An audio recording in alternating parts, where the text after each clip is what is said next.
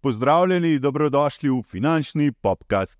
Moje ime je Adi Umerovič. Vsak ponedeljek me lahko spremljate v informativni oddaji Svet na kanalu A, kjer imam rubriko Finančni svet. Vsak torek lahko berete moje finančne komentarje na spletni strani 24.com, vsak četrtek pa me lahko sledite v finančnih popkestih, kjer govorimo o investiranju. Lep pozdrav, uvodoma naj predstavim moja današnja gosta.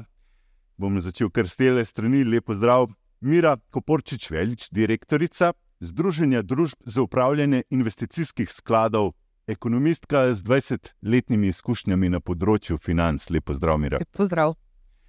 Potem pa še Mihajlo Todurov, neodvisni finančni strokovnjak, pisec člankov že dobrih 16 let na temo financ. Lepo zdrav. Danes se bomo pogovarjali o vrčevanju ne, kot predpogoj za investiranje. Torej, veliko smo že dobili nekih komentarjev, da je pravzaprav investiranje samo za tiste, ki imajo denar. Ne. To ni za mene, sem preveč reven, da bi se sploh tega lotil. In tudi vidva ste mi izvala, da naredim en podcast uh, v tem mesecu, ker oktober je mesec vrčevanja. In uh, dajmo se najprej mogoče s tem začeti pogovarjati. Ne? Je res investiranje samo za tiste, ki imajo, in kako naj tisti, ki še nimajo, pravzaprav začnejo vrčevati, ker vrčevanje je predpogoj za investiranje. Ja, drži. Uh, uh, kot si lepo povedal, vrčevanje je predpogoj za investiranje. Uh, načeloma velja, da vrčevati moramo vsi. Mm -hmm. uh, s tem, da ima vsak posameznik svoje določene cilje. Ne? In tem ciljem mora prilagoditi tudi svojo vrčevalno in potem tudi vlagateljsko politiko. Uh, jaz sem prepričana, da lahko vsak posameznik, oziroma celo mora investirati. Mogoče srednji uh, sloj ali pa ljudje, ki mislijo, da imajo premalo denarja za vrčevanje invest in investiranje, celo bolj kot premožnjene, mm -hmm. ker jim to zagotavlja neko varnost, dolgoročno varnost. Mm -hmm. Ja, Mihajlo. Se strinjaš s tem, verjetno. Celo zgodovino je bilo. Kone in pač tudi še naprej bo, ne? tudi zadnji dogodki pač vedno kažejo, ne? ja. da moramo imeti nekaj prihranjeno na strani. K kako bo gospa samohranilka, recimo, ki živi na minimalni plači, privrčevala 50 evrov na mesec? Ker govorimo vedno, da bi bilo dobro vse 10 odstotkov privrčevati, zdaj, ko je inflacija še celo nekaj več. Ne? Mogoče, če si pogledamo definicijo vrčevanja, kaj to je dejansko, je neka odpoved trenutni potrošnji. Ne? Mhm. Vrčevanje pomeni neko odpoved na nek način nečemu, kar bi trenutno potrošili. In uh, če se vrnem k tvojemu vprašanju, uh, zmeraj mama, samo hranilka ali pa kdorkoli drugi, preden se odloči vrčevati, investirati, prva naloga, ki jo mora narediti, svoj osebni proračun pregledati, uh mhm. -huh. svoje prihodke, svoje odhodke oziroma stroške. In običajno se ravno pri teh stroških skriva ključ, kje lahko vrčujemo. Uh mhm. -huh. Enemu delu najnujnih stroškov se moramo odpovedati, zato da bomo vrčevali in investirali. -huh. Tukaj bi jaz opozorila eh, potencijalne vlagatelje, ki se odpravljajo na to pot, da uh, nujne odhodke in uh, investiranje ni namenjeno, da, da nujne odhodke ne plačujemo. Ne? Se pravi, samo ne nujnim se moramo odpovedati. Ali je to ena kavica, ali je predrag uh, model telefona, mobitela. Ali je ne vem, kakšno oblačilo. Mogoče cigareti. Mogoče cigareti. Mogoče, ja, ja hkrati dodatno še bolj ja. zdravo živimo, pa smo še trajnostni. Je, je pa ta potrošniška miselnost, ki pride do izraza. To, to sem se tudi z različnimi sogovorniki na različnih področjih pogovarjal. Recimo pri bogatejših ljudeh ne, se pozna, da bolj zdravo živijo, recimo tudi v trgovinah, uh, manjkrat posežejo po nezdravi hrani, polni sladkorja, ker v bistvu za njih je že neka satisfakcija, da peljejo potem otroke vem, na smutanje, zdaj le ko bojo krompirjeve počitnice, toplice. Sprav, revnejši ljudje te možnosti nimajo, ne? prav tako pa hočejo svojim otrokom nekaj lepega ponuditi. Ne? In pač mogoče tista najcenejša sladkarija, ne, ki je poceni in pol to ponudijo. Uh, to izpostavljam, ne, ker gre za nek potrošniški mehanizem, ki se v naših glavah vrti. Ne. In je zelo težko v bistvu na kratek rok pristopiti do tega, ker pravzaprav investiranje je zelo dolgi rok. Ne? Ampak če ti hočeš nekaj dobrega za otroka, ne mesto, da mu privoščiš sladkarijo, mu mogoče lahko že uh, začneš za njega dolgoročno vlagati. Um, je, vse, mislim, to je tudi celoten point, v bistvu investiranja in vrčevanja. Pravilo je pač, da to je pač mora biti dolgočasno početje. Ja. Ker, v bistvu, če se nekaj tukaj dogaja, potem je nekaj narobe. Ne? Ja, dolgočasno. Ja. In pač to je dolgoročni proces, ki ga je treba že od samega štarta dalje tudi vzdrževati. Pač pomembna je tukaj disciplina in se tudi v bistvu mm. dirano, načrtno tega lotiti. Mm. Mogoče to, kar res nas uh, zadnja desetletja potrošništvo zelo močno nagovarja. Ne? In tukaj mislim, da je res pohvalja vredno tudi strani novinarjev in vseh, ki se vključujemo v proces nekega bolj intenzivnega finančnega opismenjevanja, ki na nek način ravno nagovarja tudi to, ne, sploh v štartu, ne, da smo obok temu potrošništvu tudi na glas govorimo o finančnem opismenjevanju, ki v prvi vrsti pomeni odpoved potrošništvu, vrčevanje in investiranje na dolgi rok. Mm. E, ponovadi popkeste vedno začnem z nekimi aktualnimi novicami v svetu. Te, teh je kar precej trenutno, vidimo, da je uh, geopolitična stvar zelo vroča. Uh, ne bom šel v detalje, konkretno spraševal, ampak je zdaj sploh primeren trenutek za vrčevanje? Se vam zdi, kljub tej negotovosti, geopolitičnih razmerah, napetostih in končni fazi tudi nekem uh, prihodu recesije, o katerem se govori že, že kar nekaj časa, da je zdaj trenutek za vrčevanje sploh in za investiranje posledično? Uh, trenutek za vrčevanje in investiranje je vedno. Ne?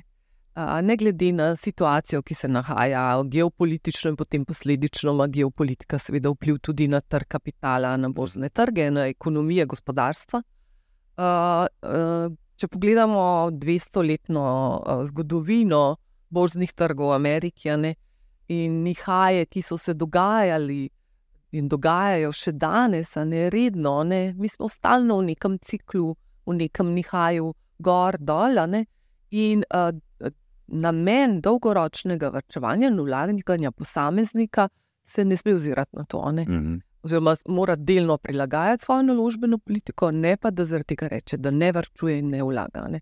Nasprotno, nekateri celo trdijo, da so take situacije dodatna uh, priložnost za dober zaslužek, mm. če znamo sebi upridupariti. Mm. Mogoče malo poenostavil vse skupaj tukaj, kar smo se pogovarjali. Yeah. Ja. Borzni trgi tako rekoč odražajo realno sliko trenutnega stanja v gospodarstvu.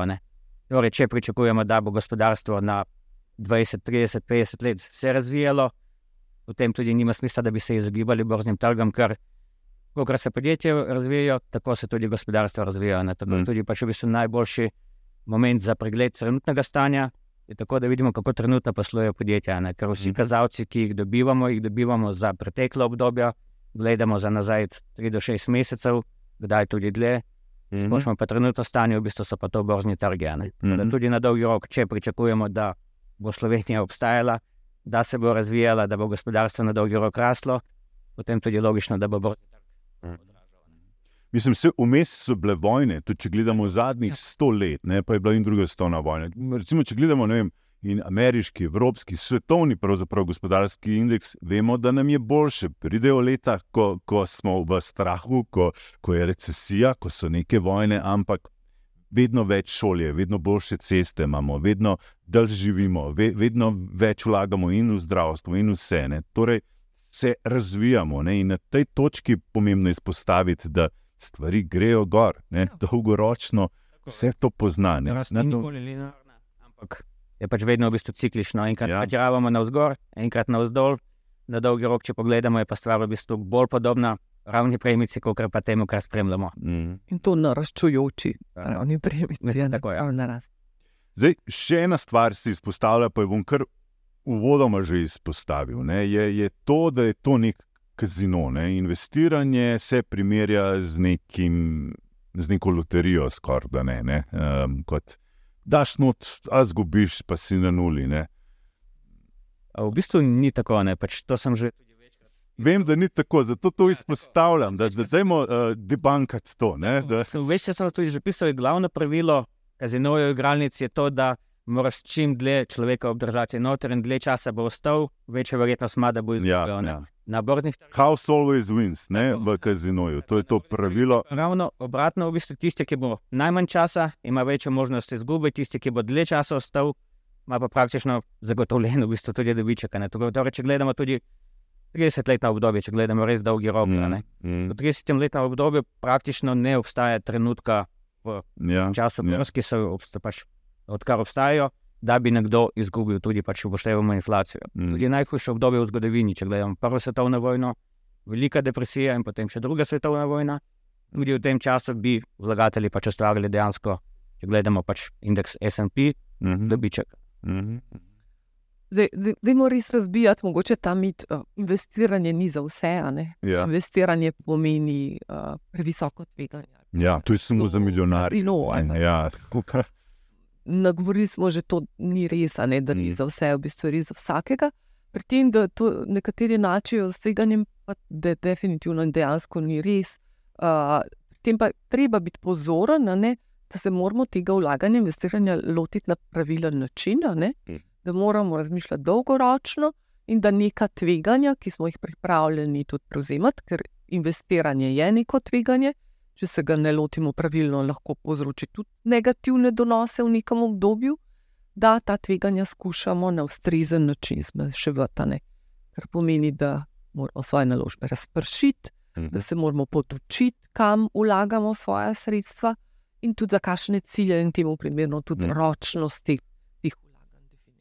No, no, o tem bomo še, še bolj konkretno uh, razglabljali. Uh, mogoče še tudi izpostavimo. Ne, mi zdaj po nekih statističnih podatkih smo nekje tudi nad povprečjem v EU-ju glede vrčevanja. Ne? Ampak uh, neki podatki so komercialnih teh bank, da ljudje v povprečju vrčujejo med 50 in 100 evri. Uh, starost je pa precej uh, pozna, tam od 45. leta naprej se to uh, šele začne dogajati. Ne? In uh, sicer pa ja, rahlo pa narašča z, v zadnjih osmih letih. Recimo, ne. Ja, drži tudi v naši industriji. Uh, Upravljanja investicijskih skladov so podobni podatki. Eh, Žal, poprečen znesek vrčevanja na mesec uh, je pod 100 evri, a ne, Mhm. tega rednega vrčevanja, ki ga imajo naši vlagatelji. Pa tudi uh, poprečna starost je uh, višja, se pravi od 35 do 40 let uh, je glavnina vlagateljev. In vsi si želimo ravno nagovarjati mlade, ker so oni ta pravi vlagatelj, ne, in oni s to časovnico svojo dolgoročno lahko vedno več dosega, dosežejo. ne.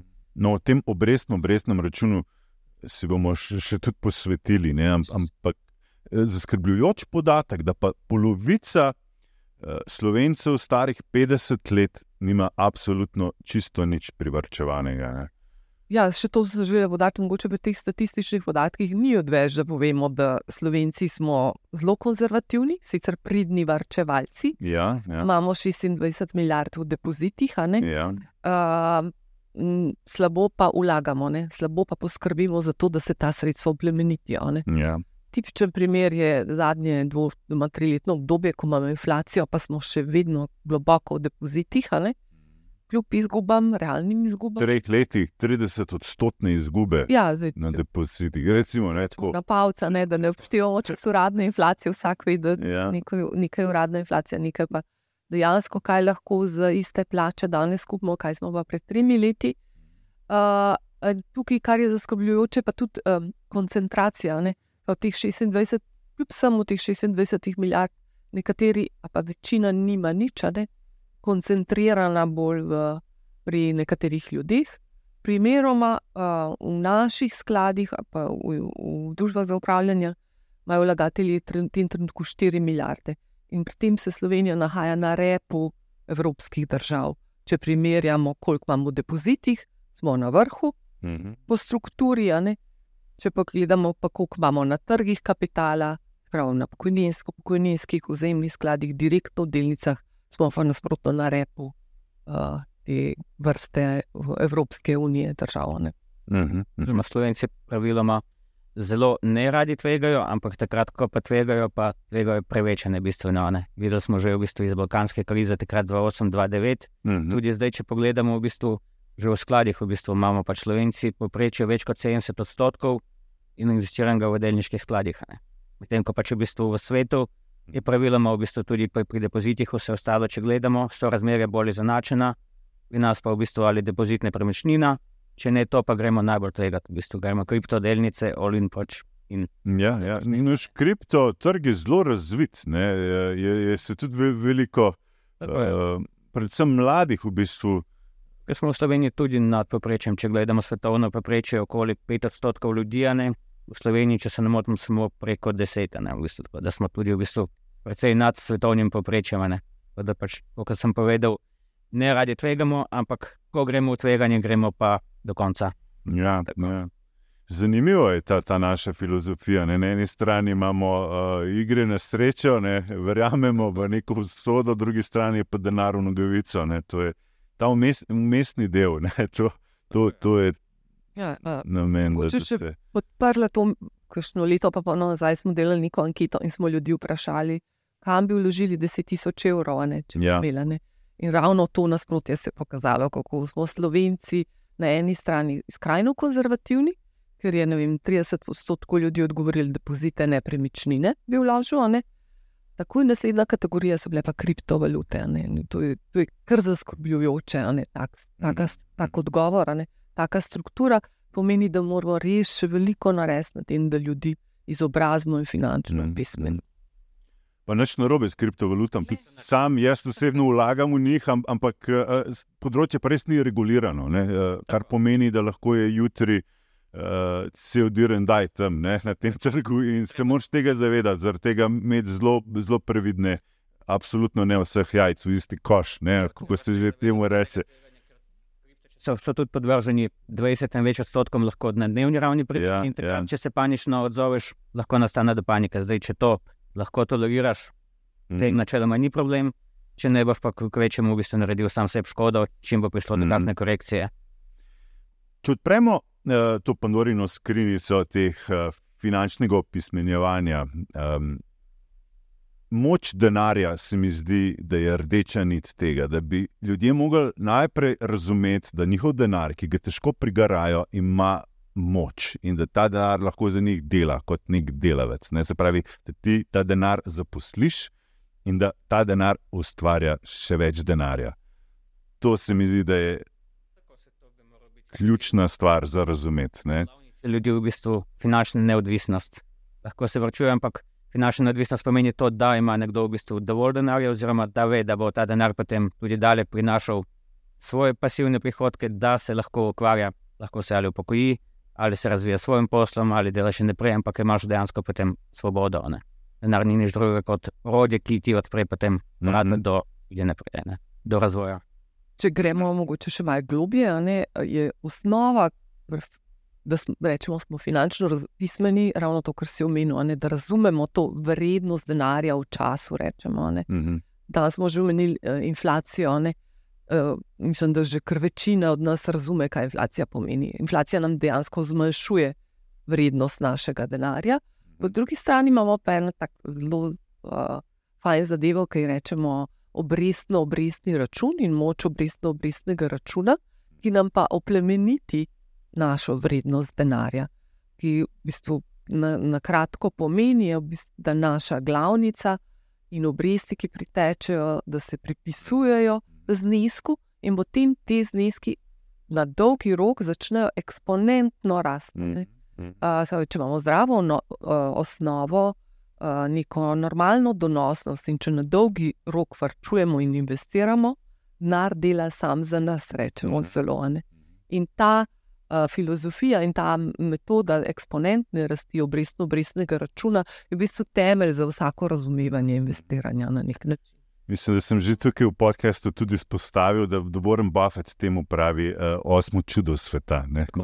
Ja, uh, Meni to uh, je šah, mi doskrat pride na, na misel. Zelo rad igram tudi šah. In je, recimo, ti, poznate tisto zgodbo, ne?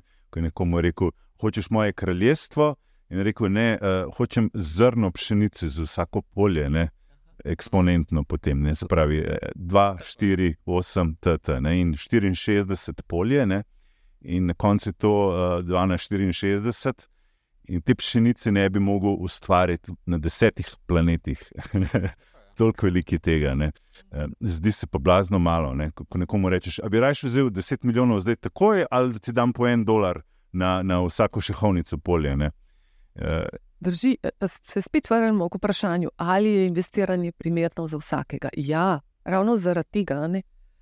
Vrčujte, vlagajte, tudi če po 10 evrov na mesec se bo na dolgi rok obrestovalo, ja. zaradi moči Mi ljudje ne vidimo na dolgi rok. Tle se mi zdi, da se je že pokazalo pri, pri recimo, uh, uh, globalnem segrevanju. Ne? 30 let govorimo, ne, kako je neka grožnja, ampak mi smo anatomsko narejeni, ne, da, da imamo odziv na neko instant grožnjo. Ne. Se pravi, zdaj takoj nekdo mi grozi, ali zbežim, ali grem v napad. Ne. Mi smo kot pač živalsko tako narejeni. In zelo težko moramo miselno se prisiliti, ne, da, da vklopimo tisti del možganov, ko bo začel res dolgoročno razmišljati. In vemo, da to ne predstavlja ne vizije, ne grožnje, ampak tam nekje daleč, vseeno je realnost, ne, nek cilj. Tukaj je to zavedanje, v bistvu, ker ljudje smo kratkoročna bitja in v bistvu težko gledamo na dolgi rok. Mm -hmm. kratkoročni dogodki so takoj pri nas in tukaj je rešitev samo disciplina in izobraževanje. Ja. Pač samo po tem, v bistvu, potem tudi vidimo, ker tudi če vrčujemo, ne, pač v bistvu že se pogovarjamo o tem, če gledamo naprimer mesečne vrčevanje. Prvih nekaj let, v bistvu, lih takrat bi mi bili vsi najbolj aktivni, najbolj spremenjali, ampak ravno takrat v bistvu nič ne rabimo gledati, ker se še ne nabirajo sredstva. Mm -hmm. Gledamo po desetih letih, takrat se pa stvari začnejo šele obračati, ko se ne bere en kupček, ko lahko začnemo mhm. investirati, mm. ko gremo dalje. Ampak to je ravno tisto, v bistvu, kar težko gledamo, ker v bistvu že težko se odločimo za dopust za naslednje leto, ne? kaj šele za neke cilje, ki so oddaljeni 10, 15, 20 let. Tako, ja, ja. Če bi še dodala, v resnici je uh, zgrešeno, da uh, mislimo, da smo ljudje ekonomsko racionalna bitja. Nismo, uh, pa vsak od nas uh, ni. Ne? to nagovarja tudi ta neka vedenska ekonomija in vlagatelji se veliko s tem ukvarjajo. Zato smo vsi občutljivi na to, da ne želimo razmišljati na predolgi rok, oziroma nam je to tako daljeno, da nam je trenutna potrošnja, naprimer, več pomeni kot pa mm -hmm. čez 50 let. Mm -hmm. uh, zato je tudi pomembno, da uh, ločimo tudi, uh, in včasih so najbolj primerne rešitve za tako neracionalno ekonomsko obnašanje posameznikov, da se odločimo, da smo na nek način pasivni vlagatelji, ne? da vključimo avtopilota, rečemo, da naredimo trajnik, ki nam vsak mesec cukne dol, pač tisti del sredstev, ki smo se jih pripravljeni odpovedati. Da mogoče tudi avtomatično poskrbimo za to, da se ta sredstva v tem pametno naložijo, in da sploh ne razmišljamo o tem, niti ne spremljamo nihajev na trgu, niti nismo znemirjeni, kaj se dogaja. Pustimo to, da je na avtomatskem mm. pilotu. Pa, pa je res bolj biti pasivni ali aktivni vlagatelj? Kje, kje je tam meja? Tisti, ki kažejo, da pa če bi to pasivni pristop, je dejansko potem na dolgi rok boljše. Ne? Ker pri aktivnem upravljanju je tako rekočene, vsak mora imeti dvakrat prav. Pač v bistvu pri stopu in pri ponovnem vstopu, oziroma obratno. Ne? da enkrat lahko zadaneš, drugič pa spet ne, in avtomatsko tudi sprejmeš više tveganje.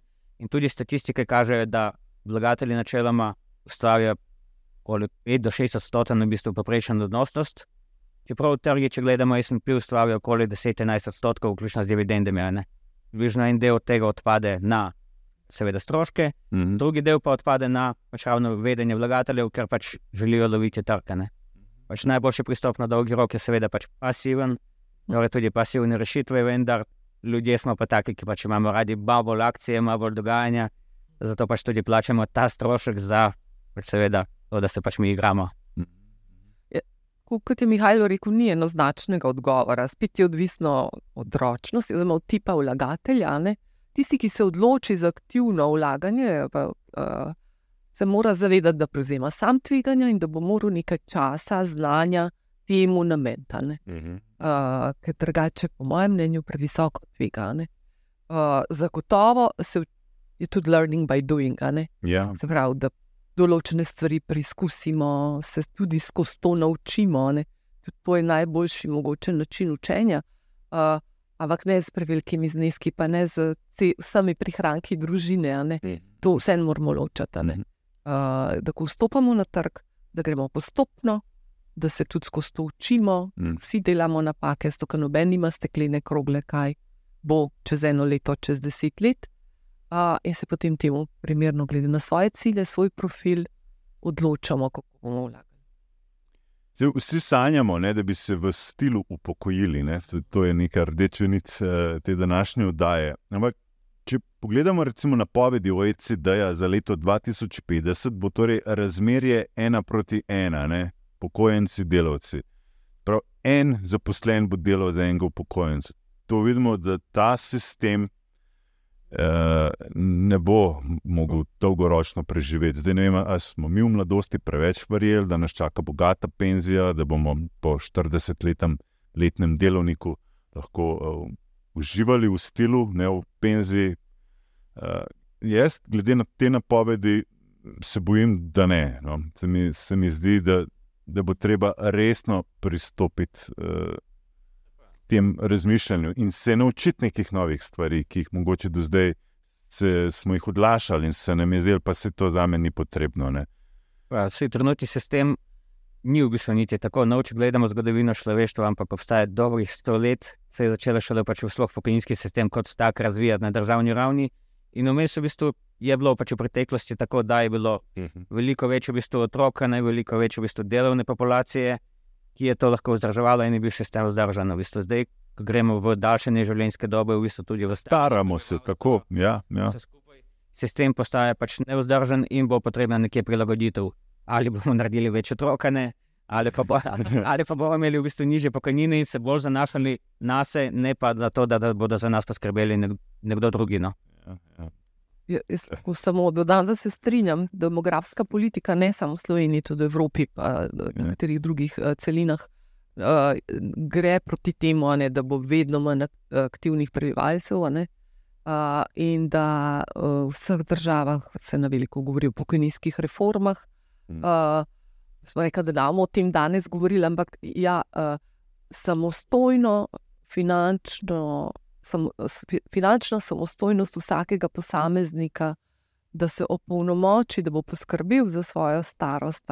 Mislim, da je naloga vseh nas, ne, Mhm. vsakega posameznika, tudi medijev, pa seveda tudi države. ne. Mhm. Mislim, da ne moremo več računati na zgolj ta solidarnostni princip zaradi te demografije in da moramo sami razmišljati o dolgoročnem vrčevanju in vlaganju, ravno zaradi uh, udobne pokojnine, ali kako, kako izraz si že Ja. uporabil. A, ali pa a, že v mladosti začeti a, delati na nataliteti. Ne, in, malo se hecamo. Ne, Je ampak, hujša žrtev za nekatere. Zdaj, Kot smo se že poklicali, v bistvu vsak posameznik ima na izbiro, Ja. ja. naredi veliko otrok in upa, da bo eden uspešen. Ali, ja, ja. Ja, ali ja. v bistvu še naprej dela, da bi na pokojnino, ali pa da bolj privrčuje. Ker na, na koncu očitno bomo vsi bremene potomcem in bojo oni mogli za nas skrbeti. Se. Ja. To je najbolj grozen scenarij. Jaz, kot oče, sem tudi oče dveh in res ne bi hotel, da potem moja dva otroka uh, uh, za me doplačujeta, ko, ko bom v domu za, za starejše. To, to se mi zdi ne- nekaj najbolj groznega. In, in se je treba o tem pogovarjati. Ne? Ker Tako. mislim, da ta scenarij, da si v breme otrokom, je nekaj najslabšega. Ne? Pravzaprav, To si zagotovo nihče želi, ampak na drugi strani pa vseeno opozorila tudi na fenomen v Sloveniji, tudi verjetno v Evropi, da uh, konec koncev v Sloveniji uh, v vsaki krizi, pa če danes, ne, kljub nizkim penzijam, so kdaj upokojenci kar pridni vrčevalci, tudi za vnuke. No. ja, Uh, ja. Tako da uh, bi si želeli, bi si to sliko obrniti okolje, da mladi razmišljajo o svoji ja. bodočnosti in čim prej začnejo vrčevati. študent začne razmišljati o investiranju, pa so to najbolj sladka leta, da začneš. Ne, da ne bo pomote. Ravno to, če začneš v 20-ih, boš do 65 res naredil lep ta obrestno-obrestni račun. Ne. Ampak kako naj nekdo, ki sploh nima rednih prihodkov, začne vrčevati, začne investirati? V bistvu taki osebi, sploh v bistvu, če še nima rednih prihodkov, ampak seveda predvidevamo, da na tem dela, ne, zdaj poznamo tudi študente, kar je tudi pravilno. Ampak v prvi fazi pač je to pač naj se izobražuje čim več. v bistvu vsi, ko končaš faks, v bistvu se ne konča izobraževanje, ampak se šele začne. Ne? Najprej bere knjige, posluša podcaste, tudi pač v bistvu jih finančni, pač pod, podcasti, ravno dober začetek. Najprej v bistvu tudi na kakšen forum, naj čim več knjig prebere in se začne v bistvu. Potem pa tudi seveda znesek, ki ga potem dobiva, tudi če nima rednih prihodkov, ali lahko da kaj na stran, ali pa tudi investira v dodatna znanja. V bistvu. Zdaj, ker si v študentskih letih lahko poskrbiš za svojo prihodnost, če narediš kakšno licenco dodatno, kakšen tečaj. Če boš imel na račun tega potem više prihodke v prihodnosti, si tako rekoč tudi to investiral. Mm, mm. Da je to pač popoln tudi trenutek za investiranje v sebe, potem pa, ko vzpostaviš neke redne prihodke, lahko tudi pač začneš investirati, da je na stran, mm -hmm. če v taki situaciji ne moreš. Ne. Torej, pač poskrbeti za čim več znanja in čim več investirati v sebe, da se bojo prihodki potem više v vseh nadaljnih letih. Mm -hmm. Kje, kje dobivati znanje? Recimo, ponovadi grejo mladi sploh hitro na, na uh, socialna omrežja. Recimo na Redditu imamo, Mihajlo, tudi ti si zelo aktiven, uh, skupnost Fire, tudi, tudi jaz sem notor, no, tudi spremljam. In, in se zelo zanimive in, in dobre debate se odpirajo. Uh, vidimo, da, da mladi zelo so brihtni, zelo znajo razmišljati. Tudi, no, nočemo nobenega podcenjevati, daleč od tega se mi zdi da imajo tudi veliko nekega znanja. Ampak danes pravzaprav je znanje all over the place. Ne? Se pravi, imamo internet tega veliko, um, kakšen verjetno gre tudi v knjižnico, si vzame. Eh, inteligentnega vlagatelja, recimo, ne, ali pa kakšne starejše knjige, in začne. Uh, Kot živimo v informacijski dobi, ki lahko v bistvu tudi na internetu dobimo vse tečaje, tudi iz Harvarda, iz Jela, iz vseh možnih univerz, tudi ogromno strokovnjakov je na spletu, vsak ima tudi kontaktne podatke, ni tako, da je to nek baobav, ampak kontaktirajte v bistvu tudi. Zelo enostavno, v bistvu se tudi piše, v bistvu lahko tudi meni, lahko miri mhm. in se popraša za informacije in jih tudi direktno dobijo. Ne? Vsi radi ja. pomagamo, vsi radi izobražujemo, to tudi počnemo zaradi tega že toliko let. Kje, kje ste videli, recimo, največ tega praktičnega znanja dobila? Z izkušnjami, z delom, z izkušnjami. Uh, izkušnjem. Mogoče bi jaz še to dodala. V tem svetu, v katerem živimo, trenutno res ni problem količine in dostopa informacij. Yeah. Ja. Mislim, da vsi strinjamo. Kvečemo obratno. Uh, večji problem je, po mojem, tudi za mlade, pa za vsakega, mm. ki se loti vlaganja, vrčevanja, uh, zbrati prave informacije, mm. Mm. take, ki te ne bodo zavajale, da ne bodo nagovarjali neka previsoka tveganja. Ja. In tukaj je, po mojem, naloga finančnega opismenjevanja, vsega tega, vse na najti, uh, biserejane. Uh, res, kot si omenil, imamo malo zmede, imamo veliko tega, se dogaja, uh, veliko informacij na razpolago. Po mojem, najbolj pravi način bi le bil, sploh če nagovarjamo mlade, da to finančno pismenost in opismenjevanje končno spravimo v šole. Je že, El, bom jaz ja, konkretno povedal. Uh, moja dva otroka se že učita, ne? in kaj je dividenda, in kaj je delnica. In, in, uh, mislim, tudi, tudi jaz sem na mestu, da, da si kupite kakšno igrico. Recimo, ne, in reči, kaj pa če bi v to podjetje vložili, ker razvija to igrico. Ne? Recimo, ne, tako, in da že ta mindset ste. Uh, zelo je dobro, ampak v šolah se dejansko se začelo v tem vse premika, ja. ampak mislim, da niso vse šole tako aktivne, kot vaše, ne nekatere tudi ne izbirajo tega, ker to hm. zgolj izbirna tema. Mislim, da v okviru pouka gospodinstva za zdaj, mi se trudimo, da bi spravili to res uradno v hm. kurikulume, kot redne predmete.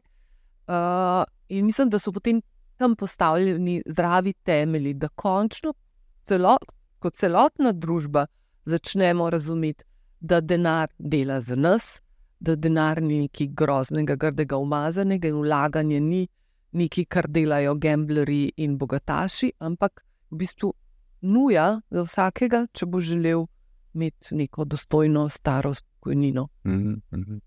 Sploh danes se mi zdi, ne, ko se pravzaprav lahko participiramo na trgu, ne, kar je bilo prej samo za, za neke posebne brokerje. Ne, uh, res in informacij in vsega je dovolj, ne? in smo lahko zelo. Uh, je škoda, da nismo ne?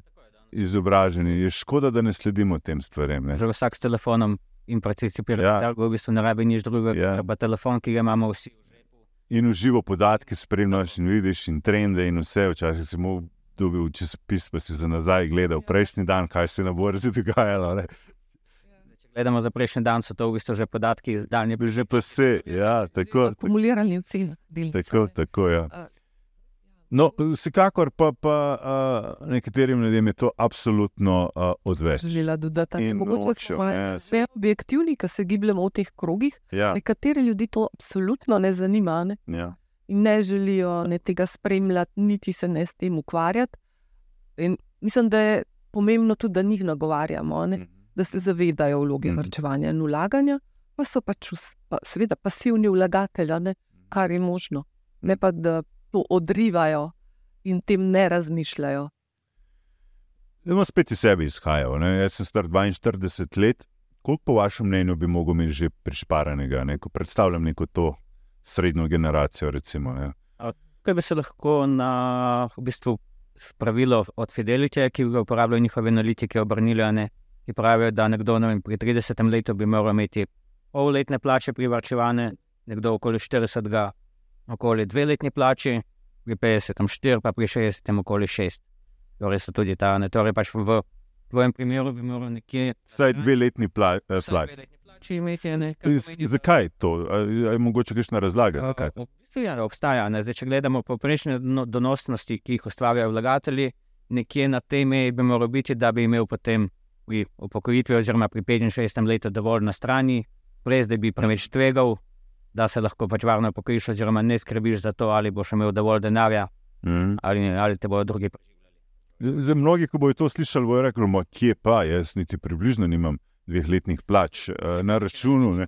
Seveda, ne, ampak pa ljudi zagrabi panika, mogoče ne, pa reče: O, zdaj moram pa na hitro nekam. Ne. Kaj mi največji donos prinaša? Največji donos pa seveda pomeni tudi največje Tveganje. Tako, ne, in, Torej, nikoli ni prepozno, samo se začne v bistvu in potem, ko je zmožnost, v bistvu, seveda, pač tisti, ki ima, nima privarčevanega pri 40, pa če mora, seveda, tudi malo več nameniti za to, ne, Mhm. bolj se potruditi, potruditi. Ker pač, če govorimo pri 40, pri dveh letnih plačah, je to v bistvu nekdo, ki je začel pri 20 letih, praktično ne tvega v bistvu in pač nima nič težav ne s tem. Ne. Zdaj pri 40 pa je ja, definitivno treba potem več začeti, več dati na stran in pač samo čas pač v bistvu naredi svoje in nič drugega. Na čas je pač tista spremenljivka, ki naredi največjo razliko in tudi zniža tveganja, oziroma ga praktično izniči. Mhm. Jaz nikakor ne bi rekel, da je to alarm, če ugotoviš, da nimaš toliko na Te zamujaš. Ja. Ker vsem se v Sloveniji smo socialna država, pa se nahajamo v nekem prehodnem obdobju, Mhm. ker nas malo starejše, tudi tebe, sorry, vključujemo v to skupino.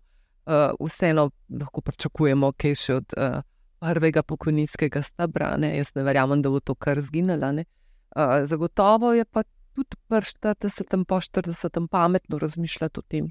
Življenjske dobe se po, podaljšujejo, tudi uh, naša delovna doba se bo podaljševala, in temu primerno je tudi takrat pametno začeti vrčevati.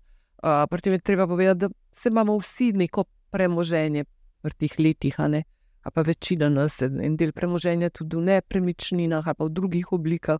Mhm. Tudi to se šteje kot premoženje, seveda moramo pa to obravnavati, koliko je spet likvidno, zakaj to uporabljamo. a Ne, in, um, tudi v tem smislu razmišljati, kaj smo ustvarjali in kaj še želimo prihraniti do konca svoje delovne dobe. Recimo, a ne.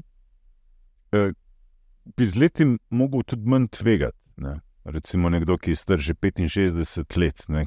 Kaj pa on, ne? bi samo imel še obveznice, recimo, ne? Nek fiksni. Ja. Nekdo, ki se upokoji pri 65 letih, ne bo vseh prihrankov potreboval naenkrat, torej bo vem, še vedno naslednjih 20 let prisoten, seveda tudi na trgih. Če bo želel, oziroma 25, 30, upajmo, da čim dlje, seveda ne. Mhm. Ampak še vedno moramo imeti v bistvu dosti več na strani. Ne? Zdaj, če v bistvu nekdo, kot mi, ne, mora imeti nekje za pol leta v bistvu stroškov oziroma plač prihodkov na strani, ne likvidnega, brez tveganja, nekdo, ki je že v penziji, mora imeti za okoli dve leti. ne. Torej, če ima obček na trgu, da če pride do kakšne krize, roku dveh let v bistvu gre praktično vsaka kriza že skozi in se sredstva vrnejo, da ima sredstva na strani, s katerimi se pač izplačuje, in ne rabi potem izplačevati nek, neke naložbe z izgubo. Mhm. Torej, pač v bistvu je zelo enostavno, v bistvu potem pristop. Ja, manj tvegati, ne pa spet v bistvu biti v celoti v denarju, če nekdo rabi denar. ne. Ja, se absolutno strinjam. Po, Mhm. po definiciji, krajše kot naše obdobje, ki se nam ne. Manj tveganja smo pripravljeni prevzemati, pa seveda logično, ne zaslužim, nimamo več prihodkov, v bistvu smo samo še trošimo. Ja. to moramo biti tudi bolj likvidni. Torej se naša naložbena politika premika od bolj tveganih k manj tveganim in tudi bolj likvidnim. No. Mhm. To, to je osnovna logika. Ne. Ni pa res, da moramo, ko se upokojimo na dan upokojitve, da to vse na TRR, ne, boh ne da, ne. Uh, moramo racionalno razmišljati in uh, verjeti, da bomo še dolgo živeli in tudi kakšne donose še konzumirali v tem Mhm. obdobju. Kako je sploh pametno porabljati ta denar? Ne vem, po 2-3 odstotke na leto, tiste neke prihranke, ko jih enkrat naredimo. Kdaj sploh izstopimo iz te igre investiranja, ali sploh kdaj izstopimo iz tega? Ali... Če nekdo smatra, da ima dovolj prihrankov in noče v bistvu več tega spremljati, oziroma ne more normalno spati, Da bi užival še zadnjih 10, 15, 20 let. Ne? življenja. Ne. Zdaj, Ja. če nekdo še vedno pa želi v bistvu in investirati in spremlja vse skupaj in tudi pač potrebuje, ne. pravilo je nekje vlada, da nekje med 3 in 5 odstotki letno, da naj se izplačuje za to, da imate koliko večno rento. 3 do 5 odstotkov čez uh, Privarčevanje. Privrčevanja. pač v bistvu toliko nekje letno je tisto, da lahko sredstva potem seveda izplačuje, brez da mu kdaj zmanjka, ne če upoštevamo tudi poprečne donose na Mhm. Zdaj, seveda je tudi v teh obdobjih potrebna neka disciplina, pa skušamo čim bolj ekonomsko se obnašati. a ne. Včasih gotovo koga zanese. Spet jaz sem bolj pristaš za male vlagatelje, ki uh, vrčujejo na dolgi rok, da uporabljajo pasivno obliko vlaganja, vklopijo avtopilota. In če se uporabljajo take oblike vrčevanja, večina njih tudi zagotavlja neko rento, tudi avtomatično preračunano, sploh pokojninski skladi, kjer posameznik niti sam ne razmišlja o tem, koliko uh, naj troši, ampak ima že uh, skozi vrčevalni načrt in pokojninski načrt definirano višino rente. Uh, tudi iz tega razloga je mogoče pametno biti uh, rečemo, pasivni vlagatelj. a ne. Mhm, mhm. Um, je pa lahko, ne, ker borzni padci pa se dogajajo. Ne, za nekoga, ki pa ne vem, že recimo jih prišel v penzijo, še vedno želi in da se zgodijo neki borzni padci, kot tudi slabo vpliva na njegovo zdravje. Ne. Se pravi, tudi to moramo vzeti v zakup. Ne, da na neki točki je dobro, da to res tveganje omejiš ne, in rečeš, da Preprosto. V bistvu pravilo, da nekdo, ki pač si iz tega izplačuje rento, mora vsaj za dve leti imeti v likvidnih ne, denarju ali pa denarnih ekvivalentih. a ne. Ker pač pravilo velja tudi videli smo že pri vseh pasivnih skladih in navadnih eh, vzajemnih skladih in ETF-ih. Pač vsi smo pasivni vlagatelji, dokler ne pride do krize. a ne. Mm. Čim pride do krize, v bistvu smo pa vsi aktivni in pač panično reagiramo. a ne. Mm. In to velja tako za profesionalne, kot tudi pa za lajšne vlagatelje. a ne. Kaj ni pa v bistvu izjem in Mm. vsi reagiramo na pač panično na dogodke na trgih. So pa neizogibni. Ne? ve- vedno lahko presenetijo, in zaradi tega je dobro, da, da smo tudi na to pripravljeni. Ne? Ampak, um, če pa Uh, ti prva, za- ena od prvih zadev, ko se odločamo vlagati, sploh če bomo pristopili do finančnega svetovalca, uh, pa tudi če bomo to delali sami, je mogoče korektno, da sami sebe vprašamo, koliko smo pripravljeni tvegati. Kakšna je ta naša nagnjenost tveganju. ne. Ker tip vlagatelja, pa se, glede na tip vlagatelja, se potem tudi naložbena politika oblikuje. In en od ključnih odgovorov, uh, pomembnih odgovorov je, smo, koliko smo pripravljeni tvegati. Če pa zaradi tega ne bomo spali, če bomo ogrozili svoje zdravje ob vsakem nihaju Mhm. na borzi, ki se dogajajo redno, takemu odsvetujemo vlaganje v borzone. In je boljše, da mirno spi, in pač uh, zaradi tega se mogoče delno višjim donosom odpove, ampak kljub ne. To je pomemben element. v bistvu to izhaja iz tega, da si nek cilj postavimo, ne? kaj pravzaprav hočemo doseči mi z vrčevanjem, z investiranjem. Ja, seveda. Uh, mi lahko tudi v različnih segmentih vrčujemo za različne cilje. ne. Mhm. Govorimo o neki likvidnostni rezervi, kjer moramo imeti ne vem, tri plače Potem govorimo o nekih kratkoročnih ciljih, kot je nakup stanovanja, počitnice. Pa, pa tretja kategorija so pa dolgoročna vrčevanja, nakup stanovanja, upokojitev. In za vsako od teh segmentov obstajajo različne naložbene kategorije. Ne? Mhm. Se pravi, od manj tveganih, bolj tveganim, in seveda pa v veliki meri pa pri vsakem zelo pomembno razpršiti ta tveganja Mhm. med različne kategorije, se pravi, med delnice, obveznice, uh, različnih panog, različnih uh, geografskih območij. To je tudi osnovno pravilo vsakega vlagatelja. Če delamo sami ali pa prek svetovalca, je Mhm. razpršite svoje tveganja, ne nosite vseh jajc v eni V eni košari. košari, ja, to vedno izpostavljamo. Um, koliko tega denarja bi pa dejansko ob upokojitvi mi mogli imeti? Ne? Ko obstaja neka številka. Kaj bi bil ta konkreten cilj, da si ga zastavimo? V bistvu, da si pogledamo, da lahko v naslednjih približno 25 letih izplačujemo okoli 80 odstotkov naše dote, dotedanje plače. a ne. To je v bistvu nekje pravilo 80 odstotkov, je to velja za to, da obdržimo enak življenjski stil, da ne posegamo v to, da se ne odrekamo, ker pač odštejemo ravno pač potem tisti prevoz, prevoz pa hrano in smo na istem. Torej se naj lahko vsak tudi preračuna, koliko bi potreboval, ne, da lahko potem toliko izplačuje, da ga ne rabi skrbeti. Ne. Mhm. Seveda, številka vsakeč je potem občutno visoka, ampak ta številka tudi ne upošteva ne državne pokojnine in vsega ostalega, ker tudi pri lastnih izračunih vedno računam na to, da pač najprej seveda zase poskrbi, potem vse ostalo je potem tudi bonusane. Mhm. Mhm. Tako da pač na tak način si lahko vsak poračuna. Ne bi, bi se pa mogoče vrnil še mal, malce na nazaj, ne, Ja, na same borzne trge. In ja, pri borznih trgih vedno v bistvu tudi so paci, so premiki, paci in vse skupaj, če gledamo. Poprečno se do korekcije na borznem trgu, torej padec tečajev za vsaj 10 odstotkov, pride enkrat letno, če gledamo zgodovinsko. Tako da v bistvu kot moj ali tvoj ali rojstni dan, toliko pogosto, kot imamo rojstne dneve, toliko krat bomo doživeli tudi pace v bistvu v višini vsaj 10 ja. odstotkov. a ne.